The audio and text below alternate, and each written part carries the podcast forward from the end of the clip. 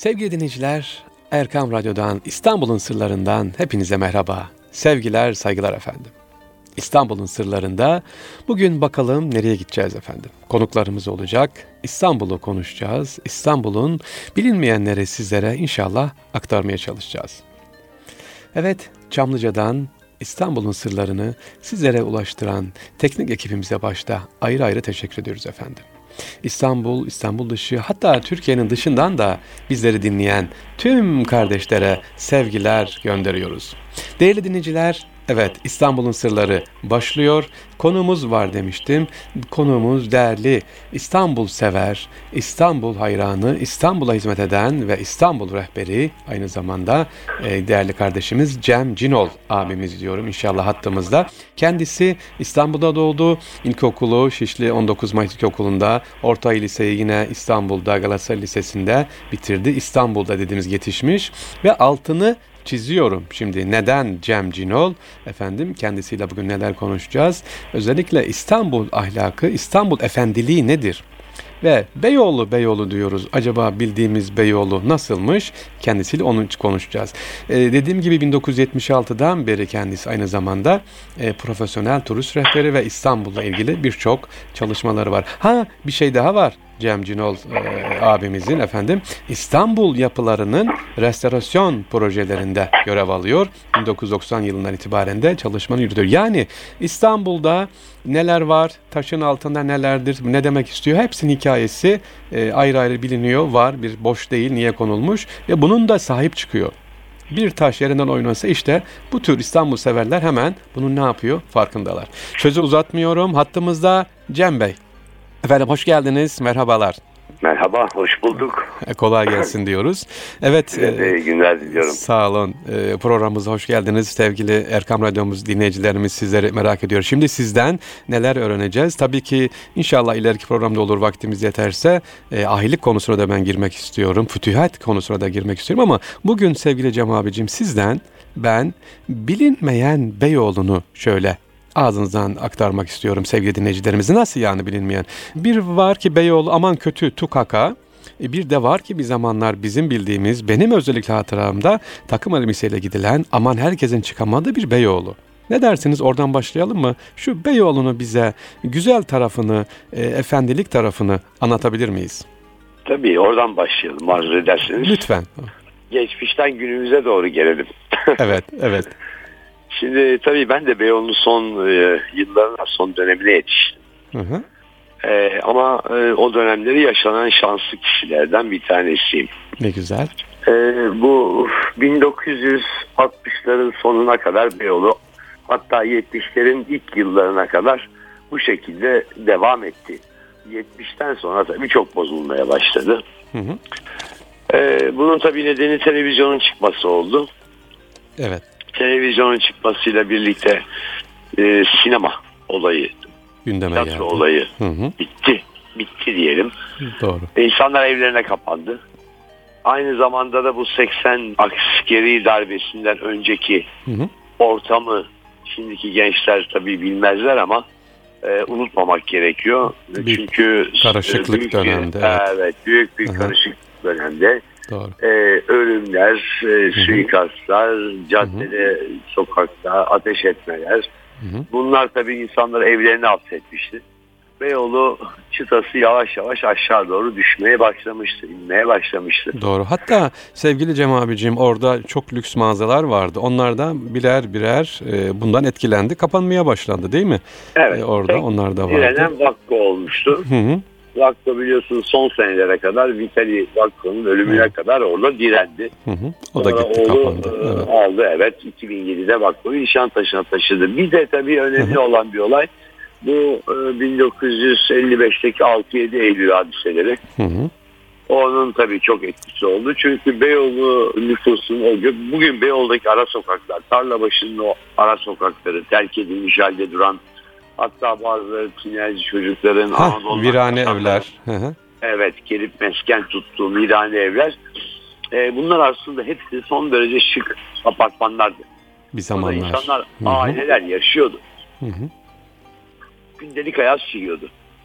e, bakkalı, manavı, kasabı, kuaförü, bileyicisi her şeyle insanların yaşadığı bir yerdi oralar. Fakat bu 55 olay 55 yılındaki 6-7 Eylül olaylarından sonra binlerce insan Beyoğlu'nu terk etti. Çünkü nüfusun çoğunluğu yabancıydı. Hı hı. Başta Rumlar vardı, Hı hı. Ermeniler vardı, Yahudiler vardı. E, ve bunun dışında İtalyanlar, Polonyalılar, Hollandalılar, Fransızlar, İngilizler, Ruslar vardı. Hı hı. Yani kozmonotit bir semtti orası. Ve İş. bir aynı zamanda hoşgörü semti diyebilir miyiz o zaman böyle kimsenin kimseye karışmadığı ya da müdahale etmediği o dönemler? Aynen, Hı hı. aynen. Çok uluslu, çok dinli, çok inançlı ve her politik görüşten insanın bir arada yaşadığı bir yerdi. Hiç kimsenin ne etnik kimliği, ne dini kimliği diğerini ilgilendirmezdi. Hı hı. Beyoğlu'nun güzelliği oydu zaten. E orada peki Beyoğlu efendiliği nasıl? Yani biz şöyle biliriz. Aman Beyoğlu'na mı çıkacaksın? Dur böyle gidemezsin. Takım elbise gireceksin işte kravat ya da e, elbiseni değiştir diye biliyoruz. E, tabii. Siz de yetiştiniz buna. Tabii. Bu e, ne, niye böyle gidiliyordu? Niye böyleydi? Oraya çıkmak zorundayız Öyle, biz. Bütün e, en şık e, mağazalar, en önemli dükkanlar Beyoğlu'ndaydı. Hı hı. Yani Lazaro Franco denen meşhur, mefruşat mağazasından Hı hı. daha Vakko'dan öncesine kadar Hı hı. Mayel gibi, Lyon d'Or gibi e, o zamanın en önemli konfeksiyon mağazaları, şapkacılar, çiçekçiler Evet. ve tabii en önemli pastaneler, kafeler ve restoranlar da Beyoğlu'nda İstiklal Caddesi'ndeydi. Yani Çiçek Pasajı'nın girişinde bir degüstasyon restoran vardı, lokantası. Evet. Baylan, Yusuvaz, Markiz gibi Evet. Ee, sanki e, sevgili Cem abicim şöyle diyebilir miyiz? Evet vardı güzel kültür merkezi. Bir kültür alışverişi de oluyor muydu? İnsanlar oraya yeme içmeye, Tabii. gezmeye değil sadece bir kültür alışverişi de yapıyorlardı. Yani yeni çıkan kitaplar ya da yeni gelişmeler neredeyse ilk önce Beyoğlu'nda Tabii. görülüyordu. Evet. Şimdi hanımlar hı. öğleden sonra Beyoğlu'na çıkardı. Buralarda otururlar. Beyler iş yerlerinden çıktıkları zaman ki genellikle Sirkeci ve Karaköy civarındaydı onun iş yerleri. Evet.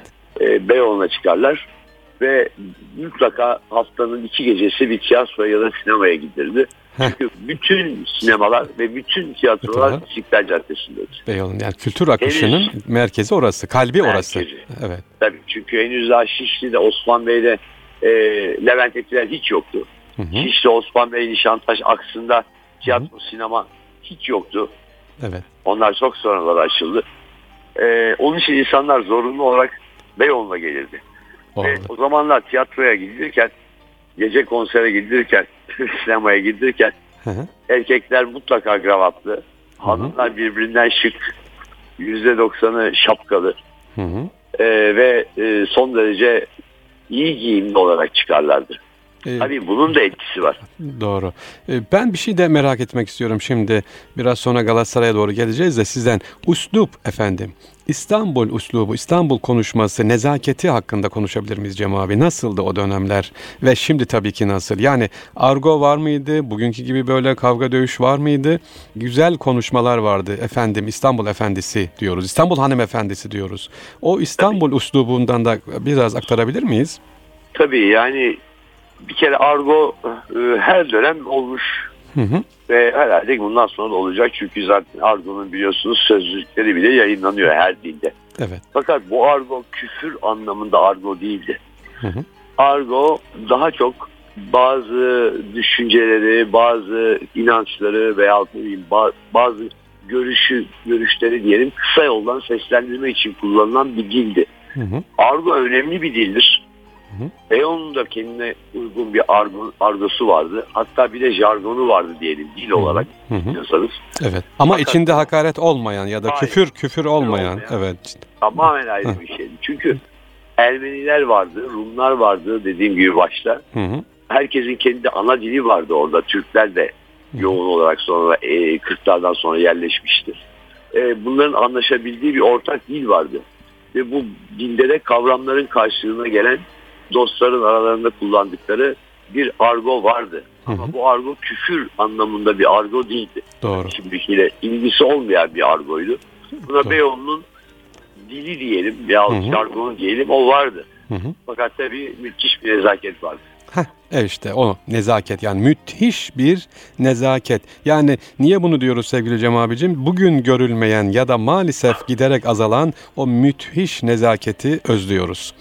İşte e, hemen geleceğiz. Yolumuz Galatasaray'a doğru geldi. Siz de Galatasaray mezunusunuz. Galatasaray, Galatasaraylı olmak, Galatasaray mezunu olmak nasıldı? Onun da bir ağırlığı var değil mi? E, evet, oradan tabii. mezun olmak. Oranın da bir dili var, bir nezaketi var. Biraz daha oradan bahsedelim ki günümüzün en büyük eksikliği nezaket. Buyurun Cem abicim. Bir kere Galatasaray Lisesi'ne ben 11 e, yaşında Beyoğlu'na başladım. Hı hı. Galatasaray Lisesi'ne girdikten sonra e, okulda karşılaştığım ilk şey büyük bir abi kardeş ilişkisinin olmasıydı. Hı hı. İnsanlar bir sınıf büyüğüne abi derdi, bir sınıf mutfağına kardeşim derdi. Bak bir bak nezakete bak. Hı hı. Evet duygusu vardı. Büyüklerle mutlaka siz diye konuşulurdu. Yani hı hı. ben 15 e, yaşındaydım, 16 yaşındaki bir üst sınıftaki abime siz derdim. Hı hı. Beyoğlu'ndan çıktığımız zaman okuldan tabii ne olursa olsun e, hafta içinde top oynuyorduk, koşturuyorduk, onu yapıyorduk, bunu yapıyorduk. Hı hı. Ayak, ayakkabılarımız kirleniyor, tozlanıyordu. Ya, İstiklal evet. Caddesi'ne yürümezdik. Galatasaray yanından Hamam Sokak'tan sapar. Hı hı. Arka taraftan Hassun Galibe Galatasaray Kulübü'nün olduğu yerde Lostracılar vardı. Hı hı. Ya da Ağa Camii'nin yanındaki sokakta Sakız Ağacı Caddesi orası. Evet. iyi Havai Lostra salonu vardı meşhur. Hı hı. Havai Lostra'ya gider. Önce ayakkabılarımızı boyatırdık. Ayakkabılarımız boyandıktan sonra İstiklal Caddesi'ne çıkardık. Bakın sevgili dinleyiciler işte burada bir e, öğrencinin nezaketi. Ayakkabısıyla çamuruyla çıkmıyor. Kendi İstanbul efendiliğini gösteriyor ayakkabı boyacısını buluyor, temizliğini yapıyor. Evet, e, hemen madem hazır oraya çıktınız, e, bir parantez açacağım sevgili Cem abi. Tabii. E, A Camii'nin yanında Hacı Abdullah vardı o zaman ya da Abdullah Usta mı vardı? Lokantada yemek adabı nasıldı? Böyle öğrencilerin girip yiyebiliyor muyduk o lüks lokantalarda? E, öğrencinin yemek adabı nasıldı gezerken? E, biz genellikle lokantalara öğrenciler 16 17-18 yaşından itibaren gitmeye başlarlardı. Hı hı. Daha önceleri e, yanımızda bir ailemizden bizi okuldan almaya gelen halamız, hı hı. amcamız, arada sırada babamız, annemiz olurdu. Onlarla mutlaka gidilirdi. Hı hı. Çünkü o zaman cumartesi günleri okul vardı öğleye kadar. Doğru, evet. İş yerleri de öğleye kadar çalışıyordu. Öğleyin buluşulur. E, Beyoğlu'nda güzel bir lokantada yemek yenirdi. Sakız Ağacı Caddesi'nde Ağa Camii'nin yanında Hacı Abdullah vardı. Evet, evet. Onu gene bugünkü gibi gene Osmanlı yemekleri değil mi? Aynen. Farklı. Osmanlı mutfağı. Bir ikinci çok önemli lokantalardan biri de Hacı Salih'ti. Ha, Hacı Salih Efendi lokantası, evet. Evet. Hacı Salih eskiden e, Hacı Abdullah'ın olduğu binadaydı. Hı hı. Sonra onun yerine Hacı Abdullah geldi. Hacı Salih şimdi olmayan hı hı. Anadolu Hanı'nın pasajına geçti. Evet. Olmayan diyorum çünkü bu Anadolu Han şimdi altında büyük bir ayakkabı mağazası var. Hı hı. Beyoğlu'nun en büyük üç e, güzel konut ve mağaza olarak tasarlanmış binalarından bir tanesiydi. Altındaki pasaj İstiklal Caddesi'ne arka sokağa bağlardı. Hı hı. Şimdiki Yeşilçam dedikleri ha, evet, e, hatırladım. Yan, yanlışlıkla Yeşilçam dedikleri evet, evet. Gazeteci Erol Dernek Sokak. Doğru. Oraya bağlardı. Onun çıkışında da Yeni Melek sineması vardı. Hı hı. O pasajın içindeydi Hacı Salih. Bir de Çiçek Pasajı'nın girişinde meşhur degüstasyon lokantası vardı. İleride, evet, evet. Garsonları siyah elbiseler giyer, beyaz önlükler takardı. Hı hı. E, masalarda keten, şömen, sablar, gümüş çatal bıçaklarla yemek yerdik. Bakın yemek adabı da vardı. Öyle haldır huldur değil bir nezaket içerisinde hayır, yeniyordu hayır, değil mi? Canım, tabii, evet. Tabii, yani... Peki e, aklınızda var mı o zaman yemek kültüründen aklımıza hangi yemekler ön plandaydı? İstanbul yemekleri ya da Osmanlı yemekleri? Sizin ee, çocukluğunuzda böyle anlamda... istediğiniz, aklınızda kalan sevdiğiniz? Var tabii şimdi bir kere Hacı Salih, Hacı Abdullah e, gerçek anlamda Türk mutfağı yapardı. Hacı Salih'in kuzu incik haşlaması çok meşhurdu. Hı hı. Ee, Hacı Abdullah'ın ayva tatlısı. Aa, evet. Bugün bile öyle hala. evet, evet. Bugün bile öyle. Kaymaklı Hacı Abdullah. Evet. Ee, degüstasyonda Rejans vardı Rus lokantası. De ve degüstasyonda genellikle Avrupa mutfağı. Hmm. Ee, Fransız mutfağı ve Rus mutfağı yenirdi. Tünel meydanında Fischer vardı meşhur. O dönemde. Arjantinli asıllı bir Alman. Yani- Ee, 1930'larda açtığı Şinitsel lokantası vardı. Her Et ülkenin yemek ya da her kültürün yemeklerini bulabiliyor idik Beyoğlu'nda o dönemde. Hepsinin istisnasız. bulabiliyorduk. Ee, peki ben şimdi ş- Galatasaray'dan çıktık böyle aşağı doğru tünele gelirken orada Galata Mevlevi Hanesi var. Ondan da biraz bahsetmenizi istiyorum hocam. Onunla ilgili bilgi var mı Cem Bey? Ee, o dönemler nasıldı Galata Mevlevi Hanesi? Ziyaretler açık mıydı, kapalı mıydı? Şimdi tabii müze, aslında. müze halinde şu anda ama e, müze olarak gezilebiliyor bildiğim kadarıyla Galata O Mevlevi dönem- Hanesi. O dönem kapalıydı.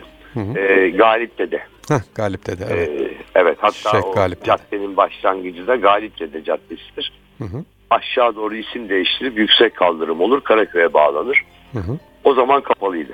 Hı hı. Bu tekke ve zaviyeler yasası çıktıktan sonra kapanan yerlerden bir tanesiydi Mevleviyane.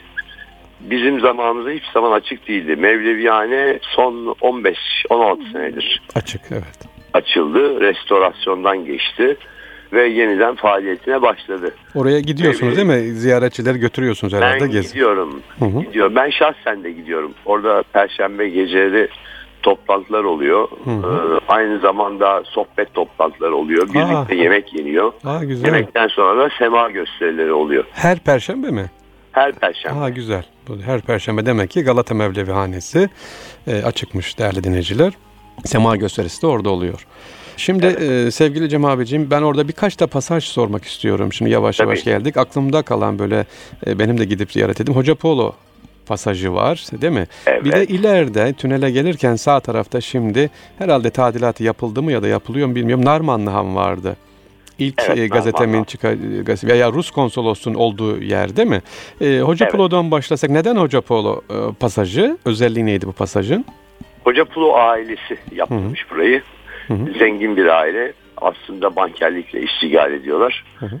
Eskiden bu binayı üzerine apartman olarak tasarlıyorlar. Ee, yukarıda 26 tane dairesi olan Hmm. bina. O dönemin büyük apartmanı evet. Büyük apartmanları altında pasaj yapıp e, dükkanları kiraya veriyorlar. Hı hı.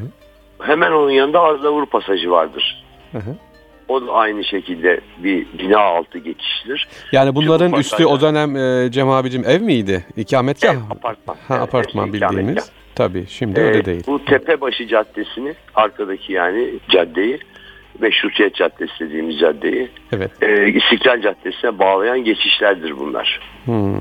İki tarafı da birbirine Ee, bağlıyor caddenin içerisinde. Evet. Üç tane zaten bu- beş tane büyük pasaj vardır böyle bu en önemli. Bir Rumeli Han Hı hı. bu cadde üstündeydi. Şimdi tadilatta şu anda restorasyonda. Evet. Bu Abdülhamit'in baş mabeyicisi Sarıca Ragıp Paşa'nın yaptırdığı. Hmm, güzel. Bir diğeri Anadolu Han.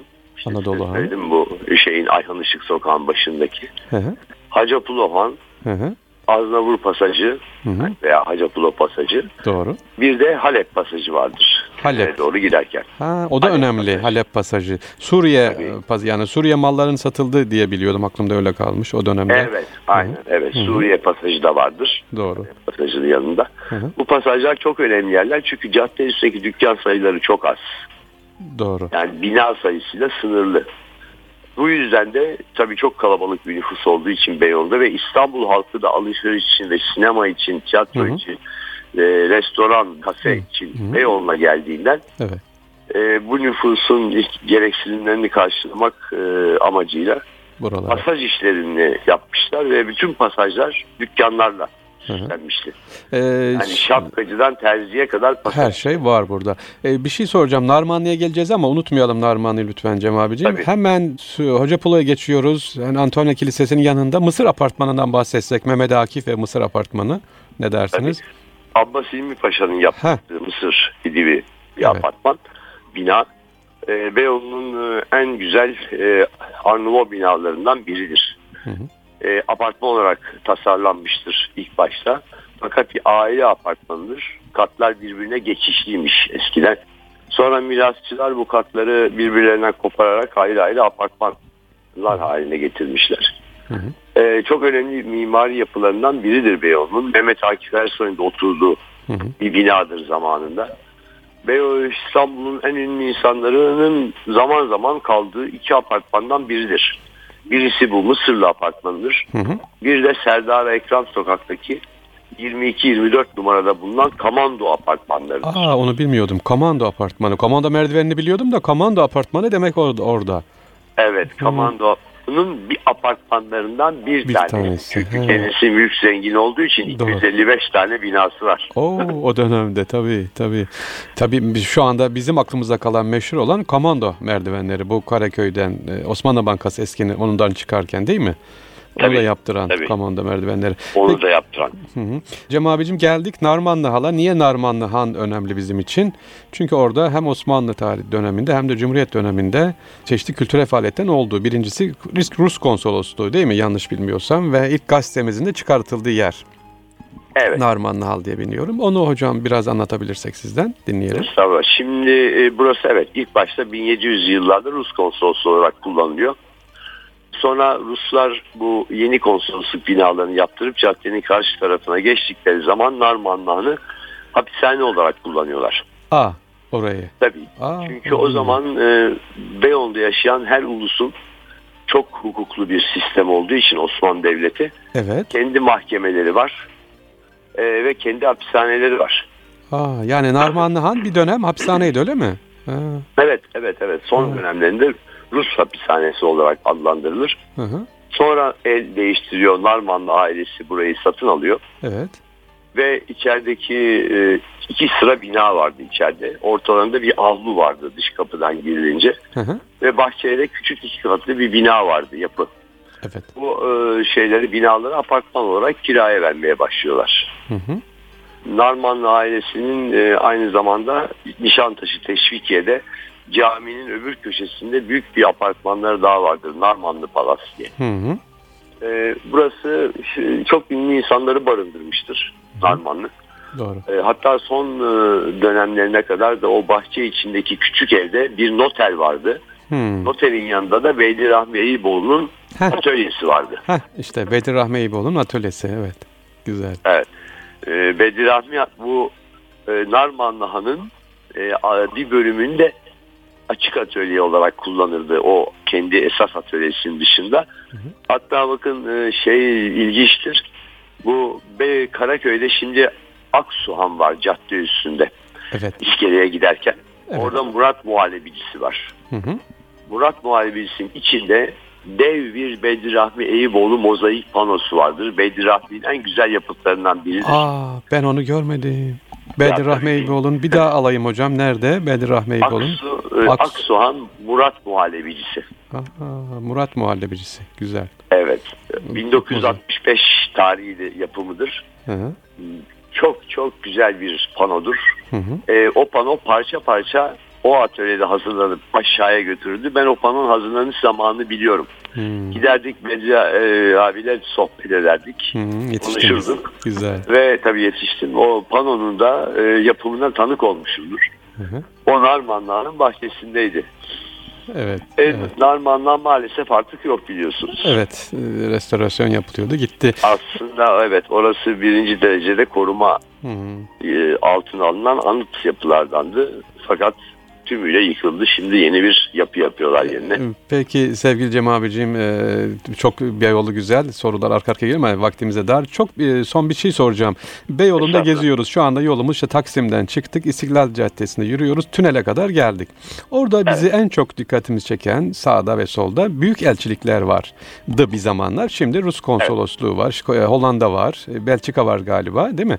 E, İsviçre, bu İsveç İsviçre, İsveç. Sevgili Cem abicim bu konsoloslukların binalarından da bahsedebilir miyiz? Çok özel ve farklı binalar bunlar. Ee, en özeli, en farklısı hangisidir Beyoğlu'nda? Ama bir şey üçü de bir, bir- birbirinden güzel. Evet. Oradaki konsolosluk binalarının yani bir mimar olarak ben bir ayrım yapamıyorum. Güzel. E, çünkü zamanın dönemin en ünlü mimarlarının yaptığı yapıtlar bunlar. Hı hı. E, Alexander Valorin'in bile orada yaptığı binalar. Hı hı. Şimdi bu binalar e, orada yapılan ilk binalar. Çünkü konsolosluklar değil mi? Evet. İlk binalar. Evet. Çünkü o zaman büyük elçilikler bunlar. Ve Galata Kulesi'nin üst tarafında tünele çıkmak o zamanlar mülk edinmek yasak yabancılar için. Hmm. Ee, surlar var Galata'yı Beyoğlu'ndan ayıran. hı. yabancıların ilk mülk edinme yasası 1868'de çıkıyor. Hı hı. Ondan önce yalnızca elçiliklere Müsaade sultanın sultanın bahşettiği araziler üzerinde kuruluyor elçilikler. Evet. Orası kırlık bir alan, ağaçlıklı bir alan hı hı. ve onların arasında serpiştirilmiş büyük elçilikler var. Tabii hı hı. E, şeyler çok geniş bahçeler üzerine kurulu. Hı hı. Fransız sarayı, Alman sarayı, bugünkü Alman Arkeoloji Enstitüsü, evet. e, İsveç Büyükelçiliği, Hollanda Büyükelçiliği, Rus Büyükelçiliği bunlar o dönemin en görkemli İtalyan Büyükelçiliği Tom Tom Sokak'ta. Ha, Tom Tom ee, Sokak'ta var. En önemli yerler. Şimdi 60 1868'den sonra ilk sivil yerleşim başlıyor Beyoğlu'nda. E, çünkü 1857'de Beyoğlu Belediyesi kuruluyor. İstanbul'da kurulan ilk belediyedir. 6. daire dediğimiz. 6. daire. Yapılaşma başlıyor. Bu yapılaşmayla beraber de zamanın en ünlü mimarları özellikle banker Galata'nın banker ailelerine ve önemli tüccarlarına konut inşa etmeye başlıyorlar. Onun için bu elçilikler bir vaha gibidir Beyoğlu'nda. Hı hı. Çok geniş bahçeleri, bütün e, tepelerden boğaza hakim e, evet. görüntü şeyleri, görünüş görünüşleriyle e, çok görkemli yapılardır. Bunların çoğu da 1800'lü yılların ortalarından itibaren 1850'lerden sonra yapılmıştır. Beyoğlu'nda gördüğünüz binalarında %99'u 1870 sonrasıdır. Doğru. Doğru. Hem ee, izin olmadığı için hem de büyük meşhur İstanbul yangınından dolayı. Taş binalar, bir mimar her birinde ayrı ayrı mimarisi farklı farklı. Ee, benim Tabii. E, sizden mi duyum okumuştum galiba. Orada Hollanda ya da konsolosunun bahçesi mi çok ilginç hocam? Çiçekleri. Hatta bir ara Hollanda ile ilgili bir mini savaş mı oldu? Bir kriz mi çıktı orada? Biliyorsunuz Cumhuriyet'ten sonra işte Hollanda devleti İkinci Dünya Savaşı'nda mı galiba Hollanda Büyükelçiliğine el koyma, e, bina ele geçirme gibi Almanlarla o konuda bir bilginiz var mı? Yani şimdi evet. e, Alm Almanlarla e, Hollandalılar e, maalesef biraz anlaşamıyor o devirde. Evet. Birinci Dünya Savaşı sırasında Heh. biz evet. e, Almanya ile e, Osmanlı İmparatorluğu savaşa beraber girdikten sonra Hı. buradan Fransız ve e, İngiliz sermayesi özellikle en başta bankalar Osmanlı'dan çekiliyor bir dönem. Hı hı. Bu dönem 1908'de özellikle 1916 arası İttihat Terakki'nin başa gelmesiyle e, ilişkilerin çok gerginleştiği bir dönem Avrupa ülkeleriyle. Evet. E, ve Alman Büyükelçisi'nin talebi üzerine Hollanda Büyükelçiliği'nin binasına el konmak isteniyor. Doğru hatırladım doğruymuş evet öyle. Ve orada da tabii e, büyük bir uluslararası e, kriz, skandal kriz hı hı, çıkıyor. çıkıyor evet. E, fakat 1920 yılında bu iş kökünden çözülüyor. Cumhuriyetle birlikte evet. Evet, evet çünkü çok ilginç bir şey Hollandalıların tapusu yok. Aa tapusu yok. Evet. Ha. Tapusu yok. Bakın. Şimdi bu bahşedilen sultan tarafından verilen araziler o devletin mülkü sayılıyor. Doğru, evet. Sonra belediyenin kuruluşuyla 1857'de tapulama işlemleri başlıyor. Tamam. Ee, bu tap, 1868'den sonra bu tapulama işlemlerinde büyük elçilikler tapu alıyor. Hollanda büyük elçiliği tapu almıyor. Aa. Evet. Bunu da bilmiyordum. Onun üzerine bu elçiliğe binasına size ait değil bu topraklar diye el konmaya kalkıyor. Hmm, tapusuz olduğu için. Onu bahane ediyorlar tabii. Tabii. Aslında da. Doğru. Ee, fakat tabii sonradan 1920'de olay çözülüyor. Güzel, güzel. Evet sevgili Cem abicim bize konuk olduğunuz Erkam Radyomuzda bugün Beyoğlu'nu biraz sizinle gezdik. Hızlı bir şekilde gezdik. Elçilikleri gördük, efendim hanlarımızı gördük. Osmanlı döneminin o son dönemlerde ve Cumhuriyet ilk yıllarındaki Beyoğlu gezmelerini aktardınız bize. Ağzınıza sağlık. Teşekkür ederiz efendim. İnşallah tekrar e, konuk alacağız sizi. İnşallah. Tabii buraya da bekliyoruz. İnşallah ben teşekkür ederim. İyi yayınlar diliyorum. Sağ olun efendim. Kolay gelsin. Kolay gelsin size de.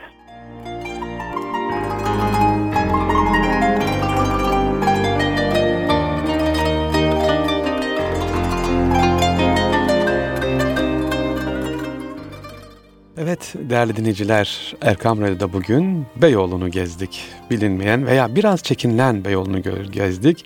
Benim aklımdaki Beyoğlu nezaketiydi, üslubu güzeldi. Ee, dediğim gibi o dönemde şimdilerde yavaş yavaş bozulmaya başladı. Büyük mağazalar dedim kapandı. Caddeler değişti, sokaklar değişti. Nezaket de değişti. Eskiden nasılmış, şimdi nasıl ee, bir nebze gezdirmeye çalıştık. Konuğumuz e, sevgili Cem abimiz sağ olsun bize bugün İstanbul'un Beyoğlu semtiyle ilgili bilgiler verdi Cem Cinol Bey.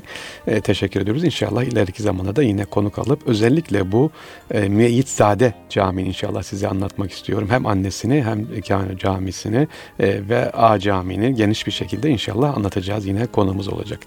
Sevgili dinleyiciler, Erkam Radyo dinleyiciler İstanbul'un sırlarında bugün sizinle beraberdik. İnşallah tekrar Rabbim ikram ederse e, sizlerle görüşeceğiz efendim. Teşekkür ediyoruz kulağınızı bizde olduğu için, bizi dinlediğiniz için ayrı ayrı tüm dostlara teşekkürler. Görüşmek üzere.